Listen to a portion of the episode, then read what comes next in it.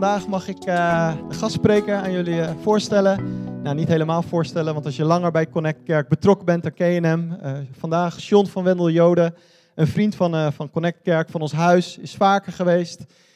heeft vaker bij ons gesproken, gediend, onder andere Impact Day. Nou, dat was echt een Impact Day. Weken later hoorde ik nog de getuigenissen, verhalen, wat hij zaterdag heeft gebracht.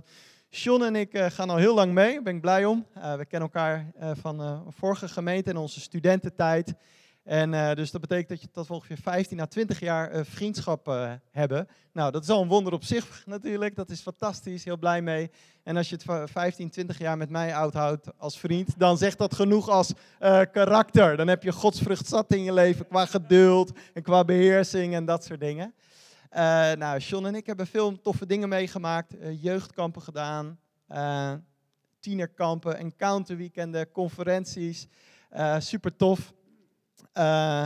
ja, wat kan ik nog meer zeggen van? Een geweldige vriend, een van mijn favoriete personen op, op aarde. Heeft een hart voor mensen, diep geworteld in het woord. En ook een enorme passie um, ja, voor, de, voor de dingen van de Heilige Geest.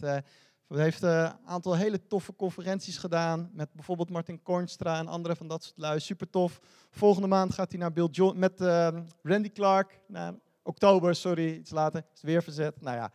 Uh, naar Brazilië om daar in uh, zoveel dagen 1 miljard conferenties te houden of zo. Ongelooflijk. Niet normaal. Wordt een toffe tijd. Echt een hart voor evangelisatie, voor zending. Heeft met zijn gezin ook een tijdje in Scandinavië gewoond. Om daar uh, te dienen, mee te helpen. Fantastische dingen mee te maken. Super tof. Uh, dus uh, zullen we gewoon een lekker applaus geven voor Sean. Yes. Ik wil graag nog voor je bidden. En dan geef ik het woord aan jou. Vader, dank u wel voor John, voor zijn mooie hart, voor zijn compassie voor mensen, voor zijn eh, enorme passie die u in, hem heeft gelegd, voor, uh, voor uw woord, voor uw geest. Vader, ik bid dat hij helemaal vrij zal zijn, dat hij vol uh, vrede en vreugde ja, mag brengen wat u wil brengen. En ik weet dat, dat u ervan gaat genieten, dat hij ervan gaat genieten en dat wij er gaan van genieten. Dank u wel. En ik bid voor ons allemaal, ook voor de mensen thuis. Uh, dat, we, dat we aangemoedigd mogen worden, dat de dingen vrijgezet en in beweging en in versnelling zullen, zullen komen. Zo zegenen we elkaar in Jezus' naam. Amen. Amen. En nu is het heel hard. Goedemorgen allemaal. Goedemorgen. Nou, wat een intro, Korst. Uh, alles is wel gezegd, geloof ik. Ik dacht, je kan meteen de preek gaan doen, want dit gaat goed zo. Uh, ja, ik ben John uh, van Wendel de Joden. 43 ehm, alweer. Een week geleden 43 geworden. Ik ben getrouwd met Candice, heb drie mooie kinderen. Woon in Almkerk. Wie kent het plaatsje Almkerk? Want dit is even een experiment.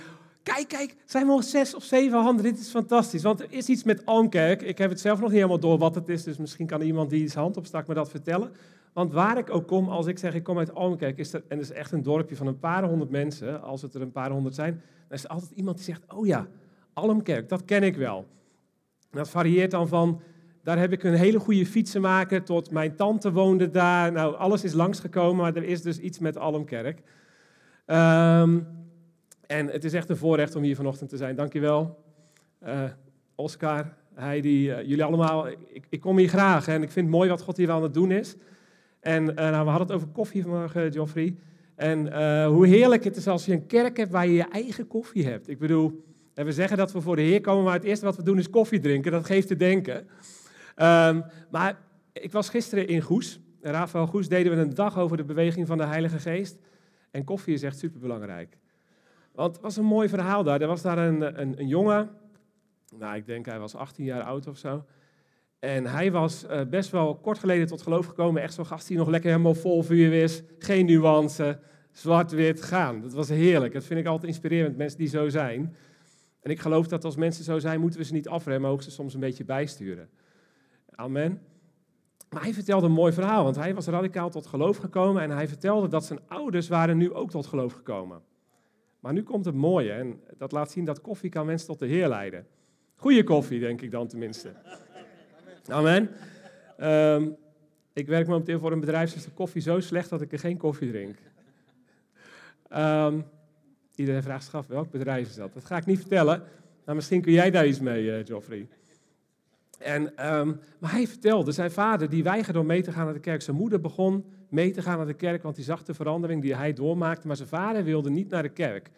En ze waren al een paar kerken langs geweest, want ze waren ja, net tot geloof een beetje zoeken. En toen vonden ze een kerk waar ze ochtends voor de kerk koffie dronken en het was hele lekkere koffie. En toen zei zijn vader, als het een kerk is waar ze lekkere koffie hebben en dat drinken we voor de dienst, dan wil ik wel een keer mee. En vervolgens ging hij mee naar de kerk en gaf hij zijn hart aan Jezus. Kom man, hoe mooi is dat? Hoe mooi is dat? En ik zal ook een beetje zwaaien naar achteren, want er zitten... Hallo allemaal, jullie zijn iets verder weg. Maar eh, ik zie jullie goed en jullie mij hopelijk ook. En horen gaat geen probleem zijn in deze zaal. Um, Kors vertelt al, ik heb echt al vanaf het moment dat ik tot geloof gekomen ben, zit er een passie in mijn hart om een beweging van Gods geest te zien. In mijn eigen leven, in de kerk, maar vooral ook buiten de kerk. Dat God niet alleen een persoonlijke ontmoeting is, iets wat we in ons hart dragen, maar dat God manifest is, dat God zichtbaar wordt, dat God betekenis krijgt in levens van mensen. Mensen die soms heel ver weg zijn van God. En ik geloof ook echt met mijn hele hart dat God wil gaan bewegen in Nederland. God wil gaan bewegen hier in Ede. God wil gaan bewegen in levens van mensen. God wil gaan bewegen in situaties van mensen. En het evangelie is goed nieuws. Dat is wat het evangelie betekent. En ik denk soms dat we dat een beetje kwijt zijn geraakt. Dat het evangelie is echt heel erg goed nieuws. Supergoed nieuws. En er staat in 1 Johannes 3 vers 8. Om deze reden werd de Zoon van God geopenbaard dat hij de werken van de duivel zou vernietigen. Laat het even tot je. Hoeveel zien we niet om ons heen situaties waar we gebrokenheid zien, waar we pijn zien, waar we ziekte zien, waar we problemen zien? Maar Jezus kwam om verandering te brengen. Het koninkrijk van God betekent goed nieuws, betekent verandering, betekent transformatie. En ik wil dat echt proclameren en tegelijkertijd wil ik zeggen, en wij zijn allemaal geroepen om daarin het verschil te maken. Je bent gered, je bent geliefd door God, je bent geroepen door Hem, je bent gezalfd en je bent gezonden. Boom, boom, boom. Dat is voor ons allemaal. En als er één ding is in de passie van, die ik in mijn hart heb, weet je, als je zelf tot geloof komt, is het verhaal, Heer, ik wil dingen meemaken, ik wil bewegen, maar ik droom dat de kerk opstaat. En dat we gaan ontdekken dat iedereen, zoals je hier zit, je hebt een bediening van God gekregen. Je hebt een zalving gekregen om een verschil te maken, om een stem te zijn, om Jezus te laten zien aan mensen in jouw omgeving. En ik geloof dat daar zit de sleutel. Als we allemaal op gaan staan, als we dat allemaal gaan ontdekken, we zongen dat net, hè? Van ik weet wie ik ben en nu, als we dat echt gaan ontdekken, dan gaan we opwekking zien. gaan we de beweging van God zien. Niet alleen maar goede diensten op zondag, maar dan gaat Jezus deze zaal snel verlaten. Als je snapt wat ik bedoel. En tegelijkertijd, als ik dat zeg, dan weet ik, dan zijn er altijd ook mensen, ik zelf in kluis op momenten die zeggen, ja maar, want we zingen God is met ons, God is voor ons, Hij is krachtig, Hij is goed, Hij is liefde. God kan alles. En tegelijkertijd, maar tegelijkertijd zie ik daar zo weinig van, hoor ik dan mensen zeggen. En als God echt goed is, en als God echt liefde is, en als het evangelie echt goed nieuws is, waarom zie ik daar dan zo weinig van in mijn eigen leven, in mijn omgeving? En dat vinden we soms als christenen een beetje een oncomfortabele vraag. Hè? Dat, dat voelt dan een beetje kritisch. Want ja, we zijn toch positief, God is toch goed? Amen, hè? amen. En dan voel je je haast gedwongen om amen te zeggen. Terwijl je misschien wel denkt, ja, leuk dat je dat zegt, maar ik, ik zie daar helemaal niet zoveel van. En dan kan het soms zijn dat als je dat dan eerlijk zegt, dat mensen dat een beetje wegmoffelen of er meteen tegen ingaan. Terwijl ik denk, het is eigenlijk een hele goede vraag. Het is een vraag die heel kwetsbaar is, die heel eerlijk is. En die honger laat zien. Want waarom zou je die vraag hebben als je niets nou verlangen om God te zien bewegen? En daar komt nog bij dat het een hele, hele bijbelse vraag is. En daar wil ik het vanmorgen eigenlijk met jullie over gaan hebben. En ik wil met jullie gaan kijken uh, naar wat is nou het antwoord op die vraag.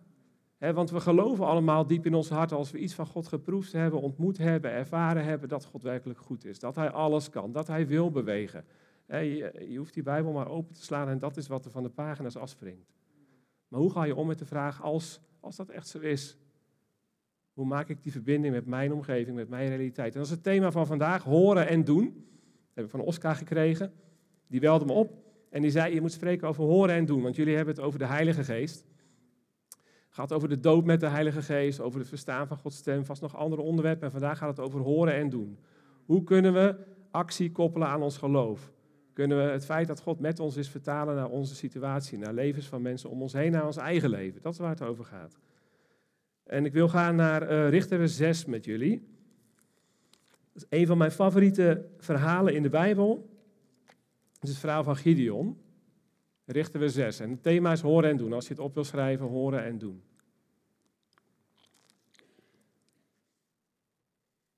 En dan vers 11 tot en met 16. En dat gaat over, Gideon is een richter, hè? God die bracht als het volk Israël weer in de problemen was, en dat gebeurde nog alles, ze lijken een beetje op ons. Hè? Um, dan, dan stuurde hij weer een richter die de boel recht ging zetten, die mensen terugbracht bij het hart van God. En oh ja, dan hadden we het allemaal weer begrepen en dan gingen ze weer vrolijk verder. En jawel hoor, een tijdje later dacht God, nou ik zal er maar weer eens sturen, hè, want het is nog niet helemaal gelukt. Dus er waren heel wat richters in de Bijbel. En uh, Gideon is daar één van. Dus, en um, de Midjanieten zijn in het land, hè, dus het ziet er niet goed uit. Dus een hoop ellende, een hoop gedoe, een hoop problemen. En dat heeft impact op het volk van God. Die zijn bang, die vluchten, die zien vooral dat er veel vernietiging in het land is. En, en Gideon, nou, die, die, zit een beetje in hetzelfde kamp, want die, eh, die is ook bang voor de vijand en die is daar in zijn eigen hoekje, is die, is die wat aan het doen. Nou, ik ga niet dat hele verhaal vanochtend uitlichten, maar ik, ik wil daar een element uitpakken, omdat Gideon stelt precies dezelfde vraag als die ik net stelde en die ik denk allemaal wel eens stellen. En dat is die vraag, als God echt goed is, echt krachtig is, echt wil bewegen, hoe kan het dan dat ik er zo weinig van zie? En ik geloof dat er in dit stuk een antwoord zit, een sleutel zit, die ons wakker kan maken van hoe we daarmee om kunnen gaan. Dus uh, Richteren 6 vanaf vers 11. Toen kwam de engel des Heren, ik lees MBG 51. Gisteren was ik bij een jeugdgroep, toen kwam ik achter dat ik al hopeloos oud was. Maar dit is eh, de vertaling waarmee um, ik tot geloof ben gekomen. Dus de meeste teksten die ik ken, dus hij is me wel dierbaar. Je ziet ook aan deze Bijbel, ik heb er een heleboel, maar deze die heeft al heel wat meegemaakt. En dan zeggen mensen altijd, ja, als je Bijbel uit elkaar valt, val jij in ieder geval niet uit elkaar. Nou, kan je zeggen dat dat niet waar is, dan val je soms nog uit elkaar. Maar God is goed en die uh, raapt je weer op, soms met hulp van wat anderen om je heen. Dus uh, Richter 6, vers 11. Toen kwam de engel van de Heer en zette zich neer onder de terebintel Ofra, eigendom van de Abizrit Joas. Binnen die zoon, waar diens zoon Gideon bezig was in de wijnpers om tarwe uit te kloppen om voor de Midjanieten in veiligheid te brengen. Toen verscheen de engel van de Heer en zeide tot hem, de Heere is met u, dappere held. Maar Gideon zeide tot hem, o mijn Heer, Indien de Heer met ons is, waarom is dan dit alles ons overkomen? Waar zijn dan al de wonderen waarvan onze vader ons vertelde als ze zeiden, heeft de Heer ons niet uit Egypte uitgevoerd? Maar nu heeft de Heer ons verstoten en ons prijsgegeven aan de greep van Midjan. Toen wendde de Heer zich tot hem en zei, ga heen in deze uw kracht en verlos Israël uit de greep van Midjan. Zint ik u immers niet? Maar hij zeide, o Heer, waarmee zal ik Israël dan verlossen? Zie, mijn geslacht is het geringste in Manasse en ik ben de jongste van mijn familie. En de Heer zeide tot hem, ik ben met u, daarom zult gij Midjan verslaan, al was het één man. I love this. Ik vind het zo'n mooi verhaal, omdat het zo eerlijk is. Weet je wel, ik bedoel, Gideon is daar zijn ding aan het doen. Klinkt heel stoer wat hij aan het doen is, maar eigenlijk is het helemaal niet zo stoer, want hij heeft zich verstopt in een wijnpers, is hij met graan bezig. Boom, daar verschijnt een engel en zegt, de Heer is met je, Gideon, machtige held. Nou, ik weet niet wat er met jou zou gebeuren als je een engel zou ontmoeten. Uh, niet zijn die je vrouw, Oscar, dat bedoel ik niet. Uh, maar hoe zou je reageren? En die zegt, God is met je, dappere held. En het eerste wat hij zegt, ja, nou ja, oké, weet je wel, waarom is het me dan allemaal overkomen? Leuk dat je me hier met bent, maar waarom weet het allemaal? En, en, en die vraag die hij dan stelt, hè, want dat is wat wij zeggen, God is met ons. God is in ons. De kracht van de Heilige Geest is op ons. En hij zegt precies dat. Hij zegt, als God met ons is, waar zijn dan al die wonderen? Waar we van gehoord hebben, waar we over lezen. En ik vind dat zo'n eerlijke vraag. God is daar helemaal niet, heeft geen probleem met. Dan je zegt, ja, hou op met zeuren, heb geloof. Hij zegt, nee, oké. En, maar dan het antwoord, want dat, dat, dat trof mij. Weet je wat, die vraag die is heel herkenbaar. Maar dan zegt dat is ook wel soms God. Hè? Dan stellen wij een vraag en dan krijgen we niet antwoord op onze vraag, maar dan lijkt het alsof God ons negeert en iets heel anders zegt. Herken je dat?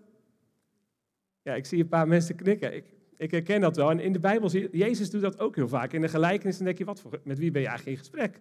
Dan zegt iemand iets en dan zegt Jezus alsof hij op een hele andere golflengte zit.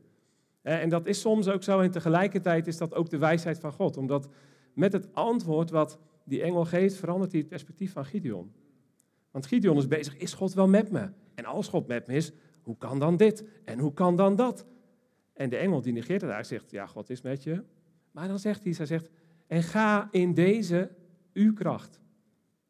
En toen ik dat las, dacht ik, wow, wacht even, want ik weet niet hoe jullie opgevoed zijn als het gaat om uitstappen in de dingen van God. En God zien gaat het altijd over, nee, het gaat niet over mij, ik kan niks. We wachten op God, kom met die kracht. We hebben het nu weer gezongen, vul het huis met die glorie. Hè? Want nou, als God komt, dan, dan kunnen we wel, hè? toch? Heel Bijbels principe, niet? Dat hebben we allemaal geleerd, denk ik. Het gaat niet over ons, het gaat over God. We hebben Gods kracht nodig, het is niet onze eigen kracht. Maar die, maar die engel die zegt niet, ga in de kracht van God, hij is met je. Hij zegt, nee, ga, ga in je eigen kracht. Ga in deze u-kracht, niet de kracht van de Heilige Geest, niet de kracht van God. Ga in deze u-kracht. En misschien zeg je, ja, leuk hè, maar hij ziet een engel. Ik heb nog nooit een engel gezien. Ik zeg, nou, dan ben ik vanochtend jullie engel. Ik kom dat nu tegen jullie zeggen, ga, ga uit in je eigen kracht. En toen besefte ik het, de vraag is helemaal niet of God met ons is, de vraag is of wij in beweging komen.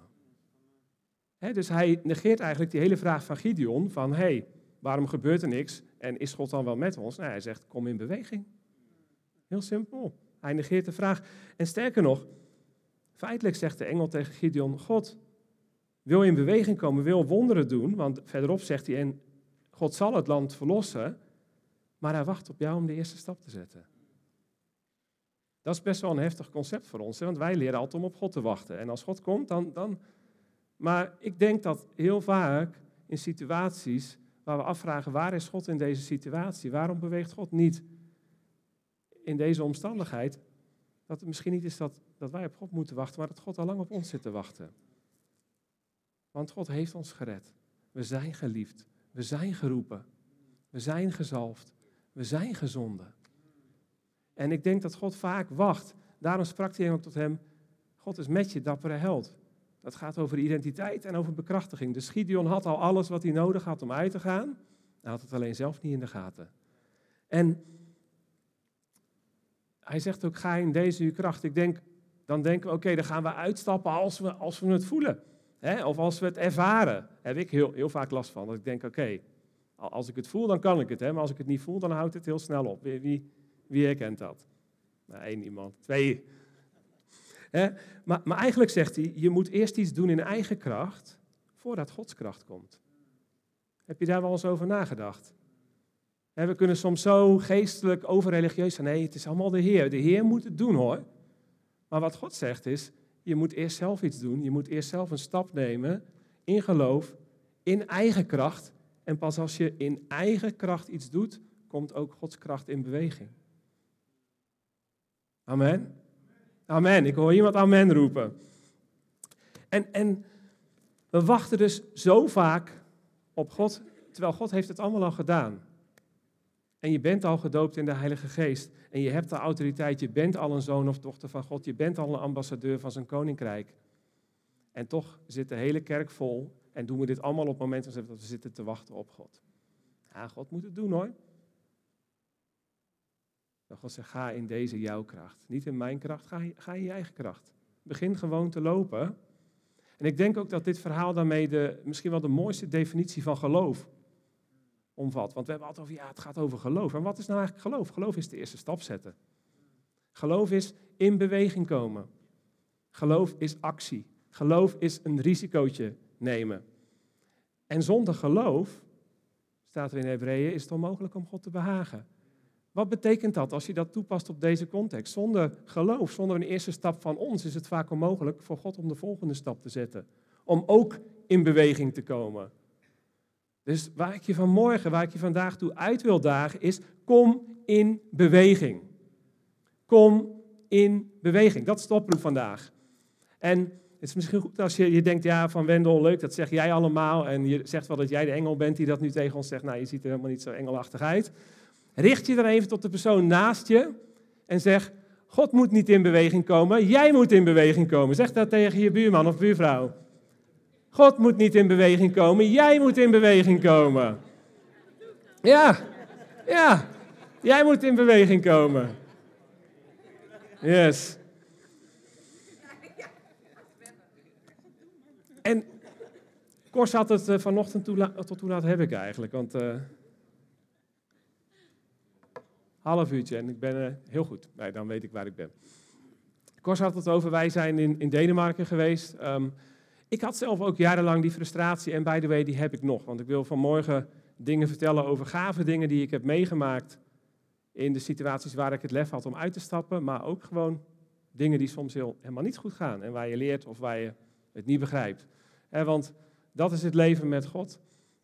Um, Denemarken, dat is voor mij eigenlijk het hoofdstuk in, in mijn leven waar ik echt voor het eerst dat begon te ervaren. Waar we in een omgeving kwamen, ik was tot geloof gekomen, vol honger, vol vuur, vol passie. En ik had honger om God te zien bewegen, maar in alle eerlijkheid, ik zag het niet echt in mijn eigen leven. En ik was gedoopt, en gedoopt in de Heilige Geest. En in de kerk hadden we het goed, maar ik dacht, er moet meer zijn. ik, ik legde de Bijbel en het boek Handelingen en de Evangelie naast mijn eigen leven. En ik dacht, het past niet. En dat was eigenlijk die vraag van Gideon, als u werkelijk met ons bent. En er was zo'n honger in mijn hart. En toen kwamen we in Denemarken op een conferentie. En daar was een opwekking gaande. En daar zagen we eigenlijk gebeuren wat er in handelingen gebeurde. Kracht van God, mensen kwamen tot geloof, wonderen, tekenen. En ja, ik was jong en ik was enthousiast, dus ik dacht, wij gaan ervoor. Dus um, wij voelden dat goed als God ons riep, uh, zegde onze banen op. Um, we vertrokken daar naartoe, dat is een verhaal in zichzelf. Maar weet je, dan ben je daar. En dan in de diensten was het fantastisch. Echt, ik, weet je, ik zei dat gisteren ook. Soms kom je pas in een omgeving waar God echt werkt, tot de conclusie, tot de ontdekking hoeveel ongeloof je hebt. Want je ziet pas als je God dingen ziet doen waarvan je zegt ik geloof het, totdat je het ziet gebeuren in één keer besef je, oeh, ik heb eigenlijk ongeloof in mijn leven. En, maar die diensten waren geweldig en op het weekend waren altijd revival meetings en die duurden dan tot, tot laat in de nacht. En, en de aanwezigheid van God was zo sterk dat mensen niet naar huis wilden. Het was, het was life-changing. Uh, ik heb in die periode, ik heb nog nooit zoveel gehuild achter elkaar als daar, toen ik daar was. Maar dan ging je maandag weer naar je werk, want ik had ook gewoon een baan. En dan reed ik daar, ik sprak de taal niet, dus ik, uh, ik, ik had zo'n zo'n palletwagen waarmee ik door zo'n pakhuis eh, reed om van die, bij een houtfabriek, om allemaal van die dingen uit de schappen te halen. En dan reed je daar. Er was niks spannends aan. En al heel snel begon er bij mij iets te komen in mijn hart dat het me frustreerde. Want ik dacht, ja, die, die meetings zijn geweldig. En je ervaart de kracht van God. Maar als God werkelijk met mij is, waarom gebeurt er hier dan niks? En dat begon zo'n soort uitdaging te worden wat elke dag voor me was. En wat me frustreerde en wat me bezig hield. En ik dacht, ga ik het doen? En want daar in die omgeving, in die meetings, daar was het makkelijk. Dat was echt, als God komt, dan is het niveau van geloof is hoog. Iedereen heeft zijn hart open, dan is het heel makkelijk om voor mensen te bidden. Maar dan ben je op maandag weer. En, en, en ik was daarmee bezig en ik, weet je, dan ik, zou ik het doen, zal ik het niet doen? En dan zie je een, een, een situatie waar je denkt, oh, hier kan God iets doen. En dan wil je iets zeggen en dan zeg je niks. En dat bouwde zich op tot het moment dat ik dacht, en, en nu ga ik ervoor. Dus de dood of de gladiolen. en, en dat was met Torben. Torben is een, uh, en, en sommigen kennen dat verhaal, maar weet je waarom dat Torben voor mij zo kostbaar is? Torben was mijn eerste wonde, was mijn eerste doorbraak. Dus Torben en ik hebben iets met elkaar, dat weet Torben niet, maar dat weet ik wel. Want uh, Torben was een Deense man, die werkte daar. Echt een uh, Norse Deen, grote baard. Mm, Torben, hij zei ook niet zoveel.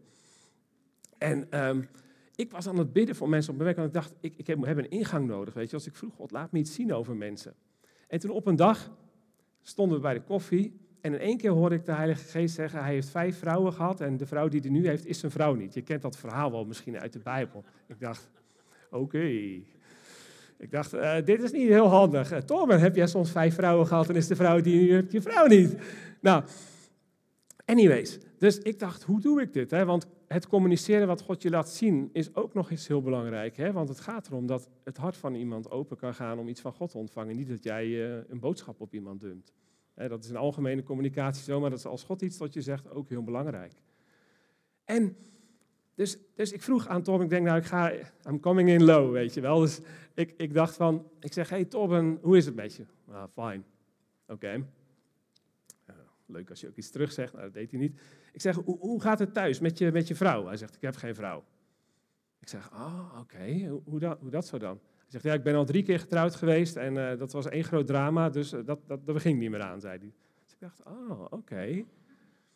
En ik, had niet, ik, zei niet een, ik, ik sprak niet een mooi woord uit van God of zo, maar we kregen daardoor connectie. En ik vroeg daarover door en hij begon daarover te praten en zijn hart ging open, want het was duidelijk dat hij veel pijn had daarover. En hij begon te vertellen dat hij nu met een buitenlandse vrouw samenwoonde, maar die hield hij op afstand. Want hij zei, ja, iedere keer met die vrouwen, die pakken uit, altijd alles van me af. dus hij, zo, dat was hoe hij erin zat. En ik dacht, nou, was dit het nou? Hè? Tot vervolgens twee weken later, Torben binnenkwam ehm, en hij had zo'n zo'n zo'n zo'n brace om zijn nek. En wat bleek, hij had in het weekend een aanrijding gehad. Iemand was van achter op zijn auto geknald en zijn nek was heel erg. Eh, dus hij kwam alleen maar op het werk om te zeggen dat hij niet meer kwam werken. En hij moest naar de dokter en hij verwachtte dat hij de komende weken thuis zou zijn. En ehm, ik dacht, dit is mijn kans. Het is nu of nooit. Ik had geen woord van de Heer, maar ik, ik, was zo, ik wilde zo graag Jezus zien bewegen. En ik had een verbinding met hem. Ik zei, hey Torben, kan ik voor je bidden, want God die wil je genezen. En ik hoorde het mezelf zeggen en ik dacht, I'm so dead. en tot mijn verrassing zei Torben, ja, dat wil ik wel. Dus, nou, er waren geen engelen, er was geen goede atmosfeer. Ik voelde geen elektriciteit door mijn lichaam stromen, er was niks. Dus, maar ik legde mijn hand op zijn schouder en ik zei, Torben, in de naam van Jezus, wees genezen. En hij stond daar zo en hij keek naar me. Dus ik zei, Torben, voel je iets? Hij zegt, ja, ik voel iets in mijn nek gebeuren. Dus ik, uh, ik, ik viel bijna om. En hij begon een beetje zo te doen. En toen haalde hij dat ding af. Hij zegt, ik zeg, heb je nog pijn? Hij zegt, nee, het is weg. Dus ik werd natuurlijk helemaal gek. En dat was mijn eerste keer dat ik een risico nam op dat niveau en dat ik God zag bewegen. En het zette iets in mijn hart dat ik besefte, God wil het doen, God kan het doen. En als ik durf uitstappen, gaat God het ook doen. En dat zette een, kwam een soort sneeuwbouweffect, want vervolgens was de Jonas op mijn werk. En Jonas liep altijd te klagen, was altijd negatief, had last van depressie. En op een ochtend zei ik gewoon tegen hem, ik zeg, Jonas, we praten altijd over je problemen, wat jij nodig hebt is Jezus. En de enige die jou echt vreugde kan geven is Jezus. En hij keek me aan en hij liep weg en hij zei de hele dag niks tegen me meer. En ik dacht, oh, dit, dit was niet goed. Maar soms zeg je iets en je weet niet wat voor effect je... In de volgende ochtend kwamen we weer op ons werk. En hij haalde me mee naar buiten. En hij zei, kan ik met je praten? En hij stond buiten en hij begon te huilen. Hij zegt, wat jij tegen me gezegd hebt, de hele nacht niet kunnen praten. Ik wil over Jezus praten met je, kan dat? En ik was, ik was verbaasd. En vervolgens um, zei ik, kom vanavond naar mijn huis toe. En dan nam zijn vriendin mee, Maria heette de vriendin. Dus het was niet Jozef en Maria, maar Jonas en Maria. Bijna, hè. En, en mijn vrouw en ik begonnen met hun over Jezus te praten. En terwijl we over Jezus praten, begon Maria te manifesteren op de bank die had, die had eh, en, en ik zeg, wat gebeurt er? En Jonas zegt, ja, ze heeft altijd last van, van slechte dromen. En het bleek dus dat zij gebonden was. En Jonas, die schrok zo, die sprong letterlijk van de bank af, want die had dat natuurlijk nog nooit gezien. En zij werd vrijgezet en ze vielen allebei op hun knieën en ze gaven hun leven aan Jezus. En ik kan je niet vertellen hoeveel vreugde het geeft als je God zo ziet werken. En misschien zul je zeggen, ja, mooi, ik ben ook uitgestapt en er is niks gebeurd. Of ik zou dat ook wel willen, maar wat als er niks gebeurt? Of wat als ik fouten maak? En ik wil je gewoon vanochtend zeggen, je gaat fouten maken. En dingen gaan mislukken en je gaat met teleurstellingen te maken krijgen. Als jij wilt gaan uitstappen in de dingen van God, weet je, God is perfect en wij zijn onderweg, wij zijn aan het leren en dat is helemaal oké. En ik sta hier niet om allerlei mooie verhalen te vertellen, want ik heb een langere lijst met mislukkingen dan met successen. Ik weet nog in Denemarken, ik leerde daar ook uh, om echt zeg maar, scherp te profiteren. En die leider van die bediening nodigde mij op een dag uit om met hem mee te gaan. Hij ging naar een pastor toe. En ik zat er aan tafel. En ik was jong en ik was enthousiast, maar ook nog best wel onzeker. En toen in één keer aan het eind van het gesprek zei hij tegen mij: John, wil jij over deze man profiteren? Want hij deed dat. Hij zette je gewoon voor het blok. Nou, dat was misschien pastoraal niet helemaal goed. Hij had ook van die dingen, dan ging hij naar een meeting toe. En dan was hij allemaal lekker aan het worshipen. En dan zei hij keer vijf minuten uh, voordat uh, zeg maar, de spreker mocht... Oh ja, jij gaat spreken vandaag. Dan dacht je, dit is echt een geweldig moment voor de opname. dat gebeurde dan niet. Maar het zorgde er wel voor dat na drie of vier keer was je altijd klaar. Dus, um, maar en toen zei hij, wil je over deze man profiteren? En, en ik kreeg een indruk dat hij een kind verloren had.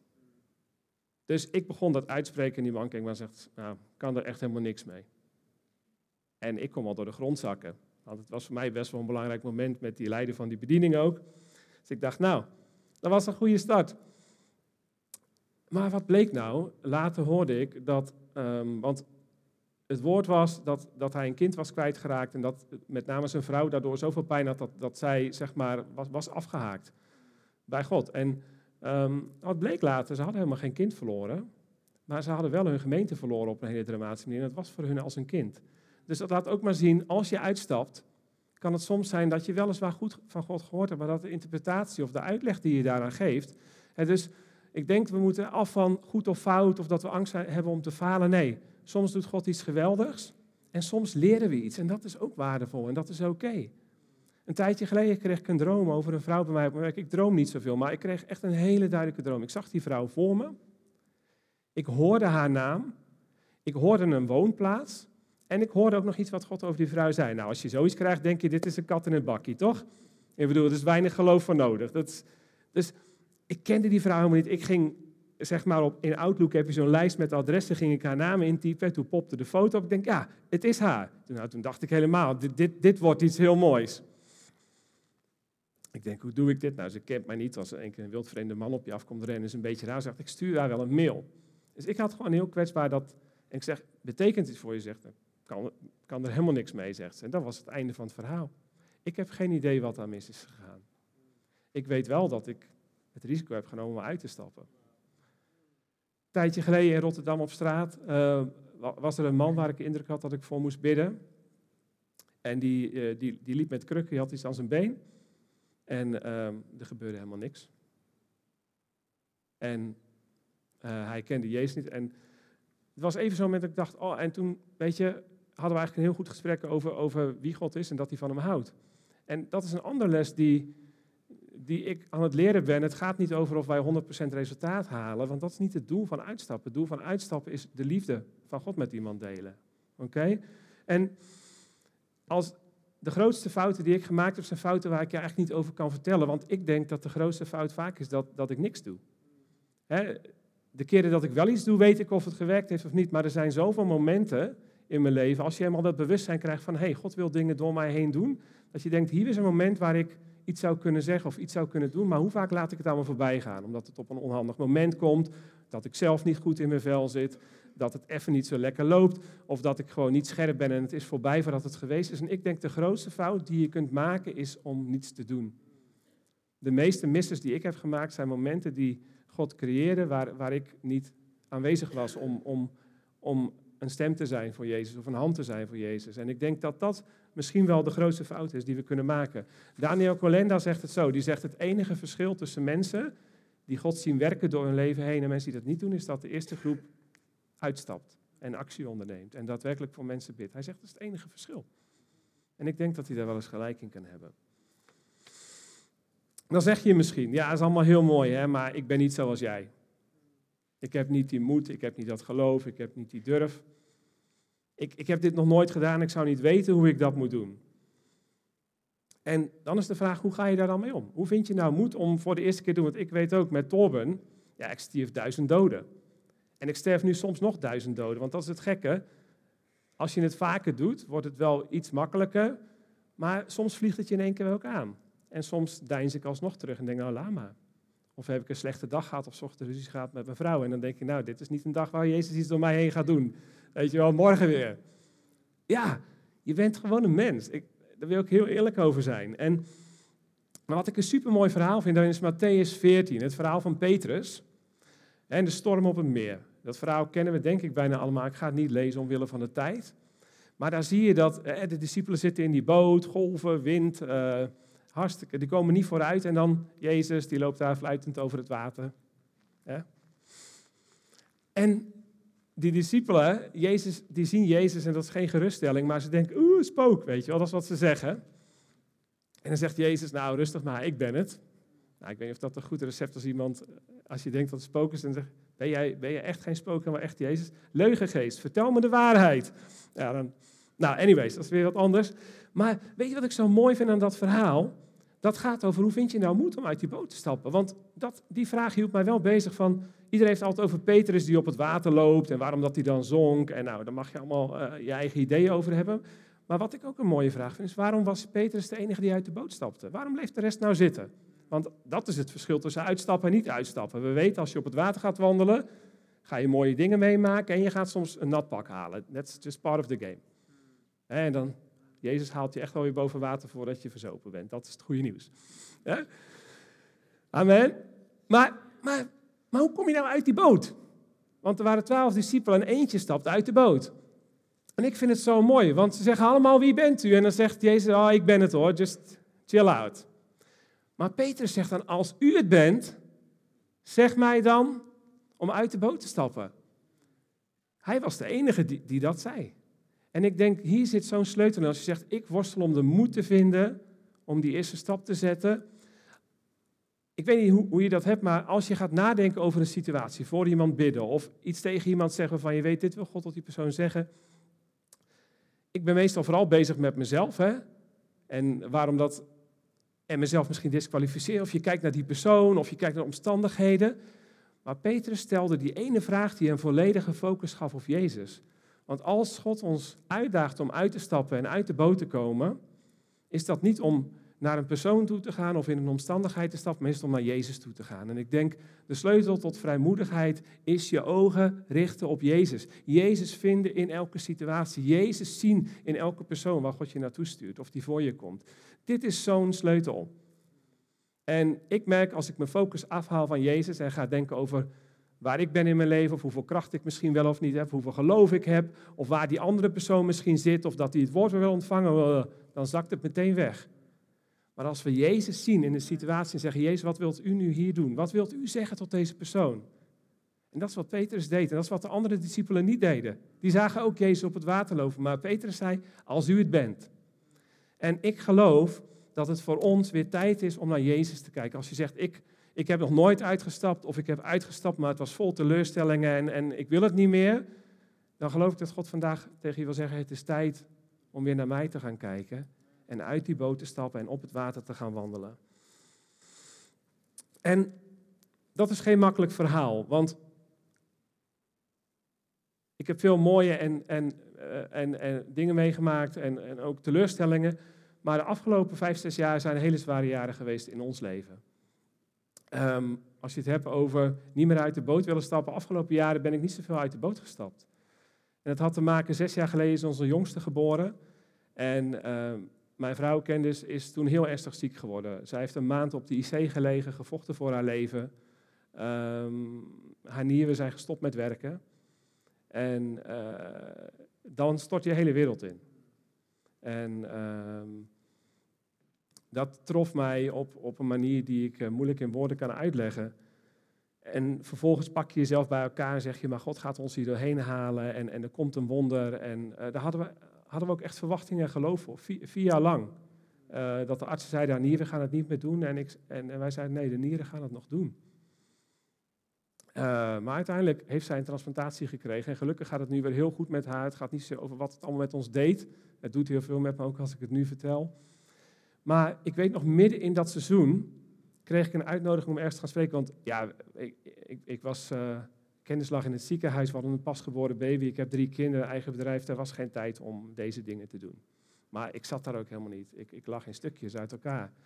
En ik weet nog, toen kwam er op een gegeven moment waarop ik een uitnodiging kreeg om bij een kerk te gaan spreken. En zoals ik dat met alle anderen al deed, wilde ik eigenlijk meteen nee zeggen. Maar ik voelde zo dat God zei, je moet het doen. Dus ik zei ja. En ik weet nog, um, midden, dat was midden in, in de storm van ons leven. En ik moest daar zondagochtend heen en ik zat in de keuken. En ik zat te huilen, want ik dacht, eh, ik, ik kan dit niet, ik wil dit niet. Het enige wat ik wilde was mezelf verstoppen. En ik weet nog zo dat de aanwezigheid van God kwam toen daar in de keuken. Ik ontmoette God en ik voelde echt dat Jezus me uitdaagde. Zei, kijk alleen naar mij. Het gaat niet om die mensen daar, het gaat niet eens om de boodschap die je moet brengen. Ik zei, heer, wat, wat moet ik zeggen? En God zei, ik, ik wil dat je gaat spreken over mijn kracht en over genezing. En toen kwam alles in mij in opstand. Want ik dacht, als er één ding is waar ik niet geloofwaardig ben in dit seizoen, is het genezing. Ik bedoel, mijn vrouw is ernstig ziek. Ik had al wel honderd keer voor haar gebeden. Allerlei mensen hadden voor haar gebeden. Er was geen doorbraak. Ik dacht, hoe kan... En Jezus zei, maar kijk alleen naar mij, want het gaat niet om jou. Het gaat niet om jouw omstandigheden, het gaat om mij. En ik weet nog, ik ben toen naar die kerk toegereden. Ik heb daar gestaan, ik weet niet meer wat ik gezegd heb. Ik heb heel veel gehuild. Maar in die dienst kwam de aanwezigheid van God op een machtige manier. En mensen begonnen aangeraakt te worden door de geest van God. En mensen werden bevrijd, mensen werden genezen. Er kwamen mensen tot geloof. En ik weet nog zo goed, er was een vrouw die kwam naar voren lopen door het gangpad. En um, zij had al sinds haar jeugd epilepsie. En daardoor kreeg ze, als ze een aanval kreeg, haar lichaam trok helemaal krom en had ze een dubbele hernia gekregen. En waar ze elke drie maanden een injectie moest krijgen in haar wervels om dat een beetje oké te houden. En zij begon naar voren te lopen en uh, God raakte haar aan en zij genas. En haar hernia was genezen en ze ging terug naar het ziekenhuis. Ze heeft geen epilepsie meer gehad. Dus in mijn moment van zwakte, waar Jezus mij uitdaagt om alleen naar Hem te kijken. En ik had zo door, dit heeft niets met mij te maken. Deed God een enorm machtig wonder, zoals ik het uh, nog niet vaak gezien heb. En ik wil je daarmee bemoedigen, want weet je, het leven met God is echt en God wil echt bewegen, maar mens zijn is ook echt. En ik wil je niet een verhaal houden van een soort Christian superstar, want dat ben ik niet, maar dat jullie waarschijnlijk al door. Maar, maar het is echt en het is met vallen en opstaan, maar daarin zie ik wel God bewegen. En soms ook niet, en dan doet dat pijn of geeft dat vragen en geeft dat teleurstellingen. Alleen de sleutel blijft, ga in deze uw kracht, stap uit, kom in beweging. En als je bij de pakken neerzit, of als je je moed bent kwijtgeraakt, richt je ook weer op Jezus. En het laatste wat ik daarover wil zeggen is, uh, is dat, dan, dan zeg je misschien, oké, ik wil dat gaan doen. Ik wil uit gaan stappen. Misschien voor het eerst, misschien opnieuw, maar, maar wat moet ik dan doen? Waar begin ik? Moet ik gewoon wild gaan rondrennen en iedereen de handen op gaan leggen? Of, uh, en Maria, die zegt dat zo mooi in, in Johannes 2, het verhaal van de bruiloft in Cana. Waar water in wijn wordt veranderd. En waar de wijn op is. En Maria dan zegt, Jezus, kun je, kun je niet... Uh, kun je niet? Dan zegt Jezus, nou, het is niet echt mijn tijd. En dan zegt Maria dit tegen die dienstknecht. Zegt, alles wat hij zegt, doe dat. En die uitdaging en aanmoediging wil ik je vanmorgen geven. Als je niet weet waar je moet beginnen, je hoeft niet moedig te zijn om uit te stappen. Je hoeft alleen maar te gehoorzamen en te doen wat Jezus zegt. Het is echt zo simpel. En dat is ook voortdurend mijn uitdaging. En daar wil ik mee afronden vanmorgen. Dat God wil bewegen in en door je leven heen. Dat that's a given.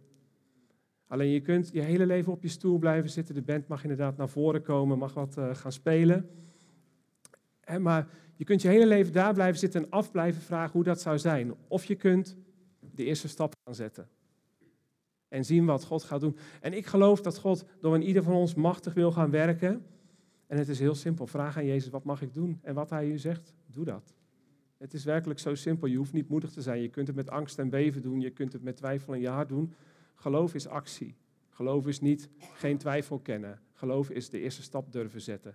En daar wil ik je vanmorgen echt toe uitnodigen, uitmoedigen, aanmoedigen. Kom in beweging. Kijk naar Jezus en doe wat Hij zegt. Het is that simpel. Drie dingen. Kom in beweging. Kijk naar Jezus.